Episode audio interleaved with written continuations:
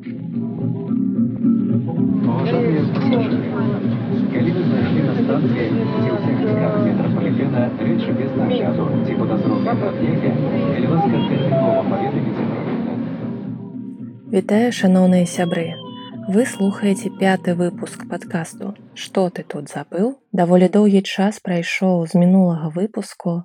Я была ў падарожжы. Калі вы падпісаныя на аккаунт у нстаграме, то бачылі фота з Польшчы. Так сталася, што я стала сведкай гістарычнай змены назваў вуліцы вольнай Бяларусі на арыгінальную электрычную беластоку. Змагла набыць свежа надрукаваную кнігу выдавецтва Янушкевіч, надрукаваную ўжо ў Польшчы. Кніга называецца ніколі зноў і змяшчае аповеды палідзняволеных радзенцаў, палідзняволеных сталінскіх часоў. Дзякуючы рэкамендацыі маёй калегі падкастаркі, а таксама журналісткі Дар'і гардзейчык у гэтым падарожжы я была не адна. Маёй спадарожніцай у самалётах і аўтобусах стала спадарня Галіна руднік. Журналістка, ветэран радыёвабода. Яна напісала кнігу ўспамінаў птушкі пералётныя, якую на шчасце змагла і запісаць у аўдыёфармаце ўласным голасам. Успаміны ветэрана радыёвабоды, дзяцінства ў краіне Сталіна. Юнацтва ў нямецкіх лагерах уцекачоў і ўсё астатняе жыццё з радыёвабода. Расповед, які знітоўвае лёс выдатных людзей два стагоддзя. Такім апісаннем пачынаецца гэтая кніга, асабістая гісторыя на фоне вялікіх і складаных гістарычных падзей. самы мой любімы жанр. Па меры таго, як я падрастала, я ўсё вастрэй адчувала адсутнасць мамы, хаця цёця барбара любіла мяне бязмежна. Кожны раз, калі ў нас бывалі госці, а студэнты кансерваторыі народ вельмі вясёлы, я залазіла дзесьці ў куток і пачынала плакаць, бо уяўляла сабе, як моя бедная прыгожая мамачка працуе на холадзе на лесапаваля. У той час я зайздросціла толькі дзвюм дзяўчатам Светлане Сталінай і той дзяўчынцы, чыя маці працавала прыбіральшчыцай у менскім НКВД. Я была пэўная, што вось у іх ніколі не адбяруць маму.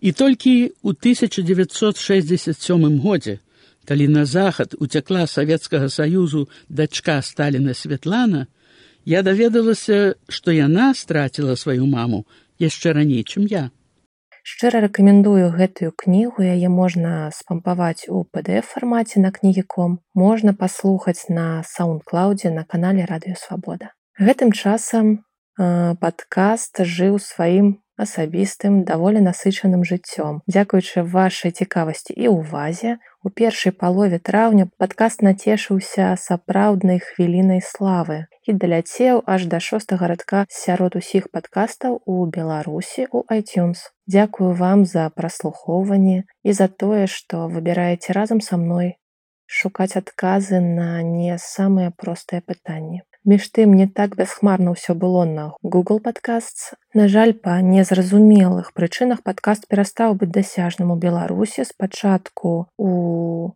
Google подкаст, а потым і у iTunes. Вырашыць гэтае пытанне атрымалася толькі некалькі дзён таму. Падкаст дасяжны ў iTunes. Спадзяюся, што хутка вырашым праблему і на пляцоўцы Google. Дарэчы, з'явіўся YouTube канал падкасту, цяпер слухаць можна і там. На гэтым, як казалі ў школе, з арганізацыйнымі пытаннямі ўсё.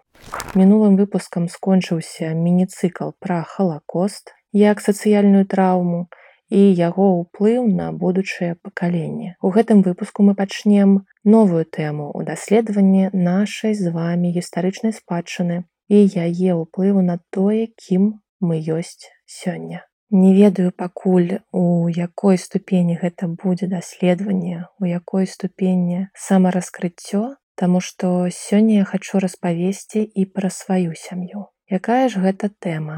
Тэма таталітарнай спадчыны, спадчыны таталітарнага грамадства. Яна, безумоўна, жыве ў кожным з нас, незалежна ад таго, жадаем мы гэтага ці не. Ведаем пра яе нешта ці ўвогуле не маем ніякага ўяўлення. Дзесяцігоддзямі тыя, чымі нашчадкамі мы з'яўляемся, жылі ў таталітарным грамадстве. Што гэта значыць для нас? Паспрабуем разабрацца. Пакуль вера моя у неабходнасці разбірацца з'яўляецца найвялікшым з маіх асабістых апірышчаў у гэтыя цяжкія гады. Надае сэнс працягваць і нешта рабіць. Я лічу, што разуменне працэсаў, якія стаяць за вялікімі сацыяльнымі катастрофамі можа падарыць надзею на тое, што магчыма вырвацца з заганнага кола гістарычных паўтарэнняў, што мы можам стаць адукаванымі дасведчанымі карыстальнікамі гістарычнай спадчыны і праз гэта пераасэнсаваць будучыню. Гэтую фармуліроўку пра дасведчанае асэнсаванае карыстанне гістарычнай спадчыны я сустрэла ў кнізе, якую б марыла напісаць пісаць сама. Яна называецца разуменне трансгенерацыйнай спадчыны таталітарных рэжымаў парадоксы культурнага навучання. Напісала яе псіхолог, прафесор вышэйшай школы псіхалогіі і кансультавання Кембридж колледж у Бостане ЗША. Алена Чарапанаў. Здагадайцеся, на якой мове выдана гэтая кніга. Ні на адной з тых, што з'яўляецца афіцыйнай мовай ні адной краіны пост ССР. Пакуль кніга ёсць толькі на англійскай мове здаецца што гэта даволі сімптаматычна і шмат кажа пра гатоўнасць альбо пра сістэмны супраціў гатоўнасці асэнсоўваць цяжкае мінулае на ўзроўні цэлай краіны і грамадства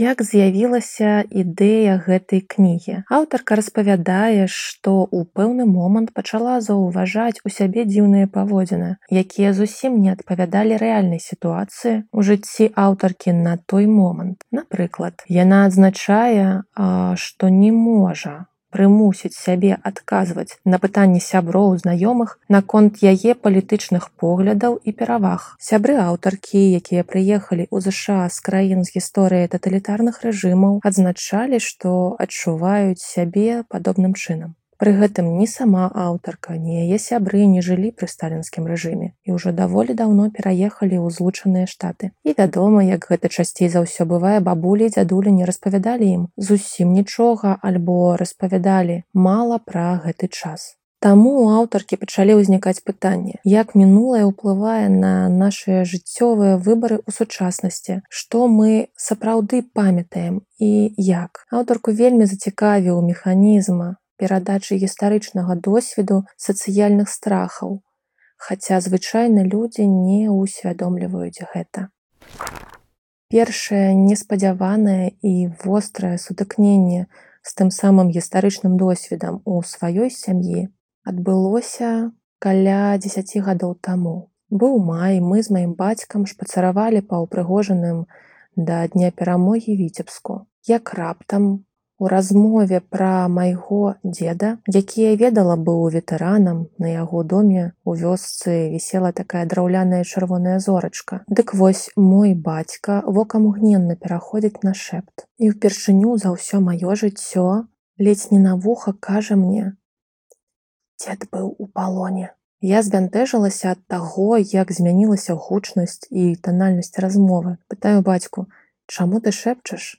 Мы пасярэдзіне шумнага гораду, ніякіх людзей, хто б мог нас пачуць няма, нічога выразнага ён адпавесці не змог. Для даведкі на той момант мой дзед ужо амаль 20 гадоў як памёр. Хто не павінен быў даведацца пра палон. Чаму пра гэта стала магчыма распавесці толькі праз 20 гадоў пасля дзедавай смерці. Тады я не ўсвядомлівала. Зараз разумею, Яшчэ ў першым баю мой 18гадовы дзед трапіў у нямецкі палон. Пасля вызвалення родная савецкая ўлада рыхтавала свою асаблівую рэабілітацыю для сваіх жа салдат. Сталінскія лагеры, бо палонныя лічыліся здраднікамі. По официальной статистике на 1946 года союзники передали советской стороне более 25 тысяч казахов-военнопленных. Их личные дела разбросаны по разным архивам, и проследить их дальнейшую судьбу крайне сложно. Известно, что многих осудили на большие сроки в 50-е годы. Историк Кайдар Алдажуманов, много лет проработавший в архивах КГБ, рассказывает, что в те времена было распространено обвинение в шпионаже в пользу Англии.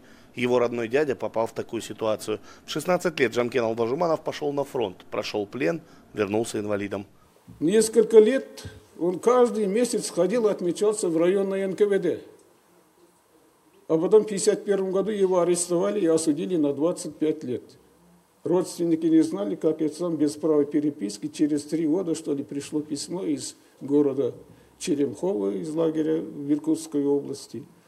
Оказывается, его обвинили, что он был еще и английским шпионом. На конференции был презентован научный труд историка Дины Иксатовой. В нем фото, документы и рассказы родственников о судьбах тех, кому удалось выжить в фашистских лагерях, чтобы потом попасть в лагеря советские. Дина занимается поисками документов уже 10 лет и говорит, что работе конца и края не видно. Гэта быў урывак э, з рэпартажу, прысвечанага навуковай канферэнцыі, якая адбылася ў Казахстане, у Алматы у 2017 годзе была прысвечана тым жыхарам Казахстана, якія прайшлі адразу дзве сістэмы лагероў нацысцкую і савецкую. І так сталася, што трапіўся на шляху майго дзеда камандзір, які нейкім чынам выправіў яму ваенны білет. У новым дакуменце ўжо ніякіх адзнак пра палон не было. Калі б у пасляваенны час пра гэта стала вядома, то Пенітэнцыярная сістэма дакладна б усе даўгі вярнула і забрала б годы жыцця і здароўя на карысць любімай савецкай радзімы. Тут і стала зразумела пра шэпт. Але такая форма адаптацыі меры засцярогі зразумелыя для сталінскіх часоў. Чаму ў 2013 годзе, калі няма ні Сталіна, ні той краіны захоўваецца такі ж паттерн паводзін. Чаму з самага дзяцінства любая дзяржаўная сістэма, дзяржаўная установа ўспрымалася мною як нешта варожае. Школы і універсітэт ва ў меншай ступені, установы выканаўчай улады ў максімальнай. Гэта тыя месцы, куды лепей не трапляць месца, дзе ты адчуваеш, што ты ніхто, што не маеш ніякіх правоў. Магло падацца, што я радзілася з гэтым веданнем, І трэба адзначыць, што фактычны досвед непавагі ад некаторых людзей у кабінетах з'явіцца ў мяне значна пазней, але ж э, улада іх рашэнняў не будзе такой драматычнай. Пра гэта і ідзе размова ў кнізе. Людзі, якія жылі ў странах з таталітарнымі рэжымамі, памятаюць іх харызматычных і папулісцкіх лідараў. Сацыяльныя эксперыменты, разам з метадычнымі рэпрэсіямі якія пакінулі незагойваючыя шрамы ў калектыўнай душы. І гэтыя шрамы мы толькі зараз пачынаем асэнсоўваць. У псіхалогіі траўмы амаль не аспрэчваецца наяўнасць сувязі паміж траўмай і паўторнай віктымізацыяй.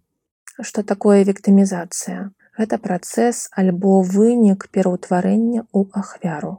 Разуменне сувязі на ўзроўні асабістага траўматычнага досведу ёсць.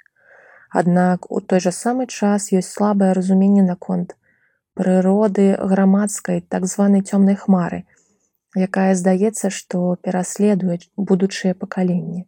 І тут часам людзі пачынаюць думаць і казаць пра нейкі праклён, які пераследуе нацыю. Але ж аўтарка разглядае праблему іншым чынам. Яна звяртае ўвагу на працяглы псіхалагічны адбітак траўмы на культуру, які ў сваю чаргу стварае ўрадлівую глебу для аднаўлення старых уяўленняў, вывадаў і паттернаў паводзін, якія раней у мінулым прыводзілі да сацыяльных катастрофаў. Разам з гэтым аўтарка адзначае яшчэ адзін важны феномен невытлумачальную ўзаемную сувязь, якая ўзнікае паміж дыктатарам і нацыяй, што вывела яго да ўлады і выключна высокую цану за адаптацыю да такога інстытуцыянальнага гвалту гвалту які ажыццяўляецца на ўзроўні дзяржавы і ідэалагічнай прапрацоўкі, а таксама да нармалізацыі гэтага гвалту і прапаганды.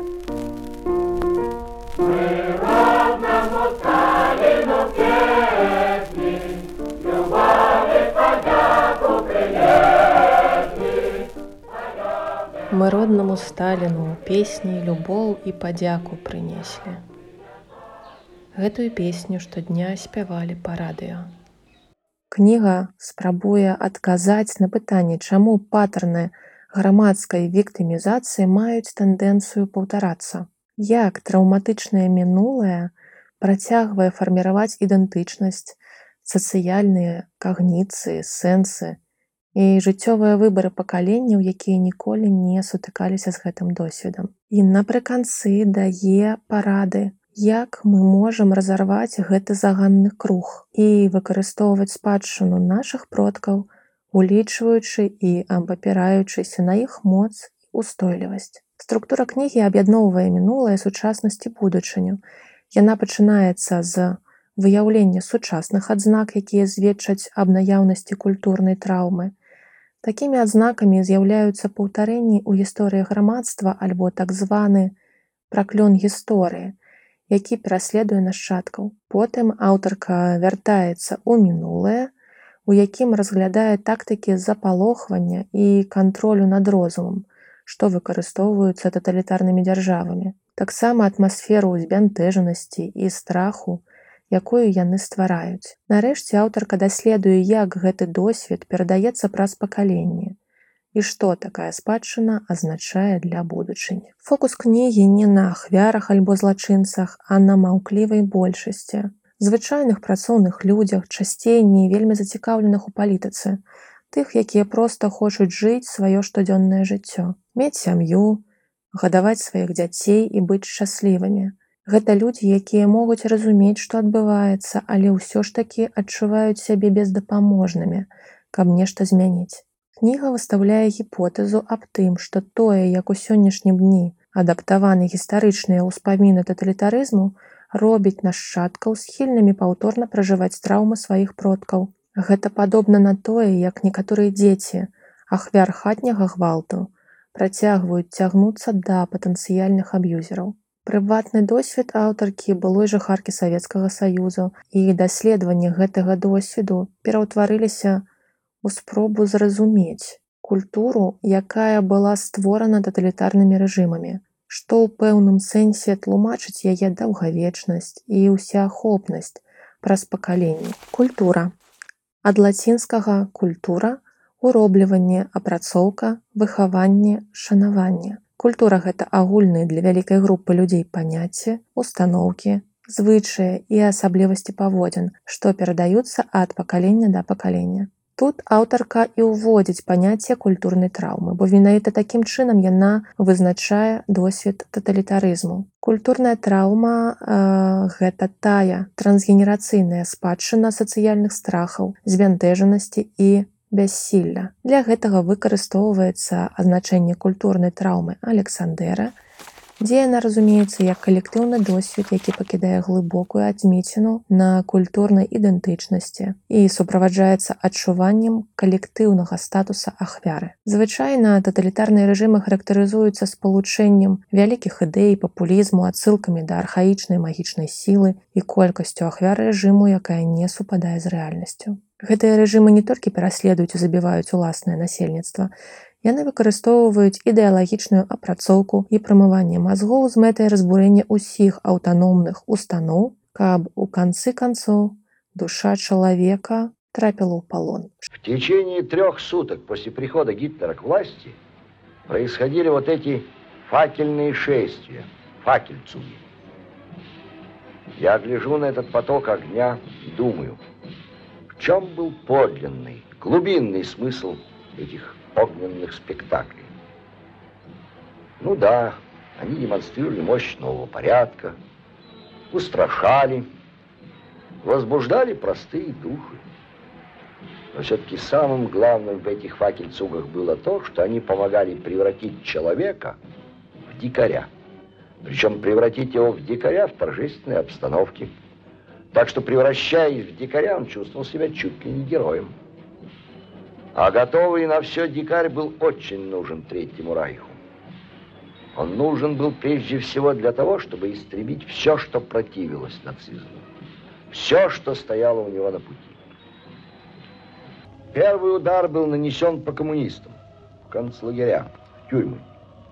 За коммунистами социал-демократы, руководители профсоюзов, рабочие активисты, редакторы журналов, газет, радио и вообще все, кто осмеливался думать иначе, чем думает Гитлер. И вот я гляжу на эту огненную свастику и не могу примириться с мыслью о том, что в Германии, в стране великой культуры, к власти пришли полуграмотные и самодовольно тупые люди, которые сделали все, чтобы превратить человека в восторженного дикаря. Што дае такая перспектыва? Калі культурная траўма разумеецца як з'ява адаптацыі да злоўжывання ўлады і кантроля з боку дзяржавы. Такая перспектыва дае ўяўленне аб складанай прыродзе спадчыны такой траўмы. Ці магчыма, што засвоеныя мадэлі паводзін, вывады і адносіны, якія дапамагалі нашым папярэднікам выжыць у тыя часы, працягваюць кіраваць нашымі жыццёвымі выбарамі і такім чынам спрыяюць узнаўленню той рэальнасці, пры якой яны лепш за ўсё працавалі. Давайте спынемся на гэтым пытанні. Буду рада пабачыць вашы адказы на яго ў садсетках і да сустрэчы ў наступным выпуску.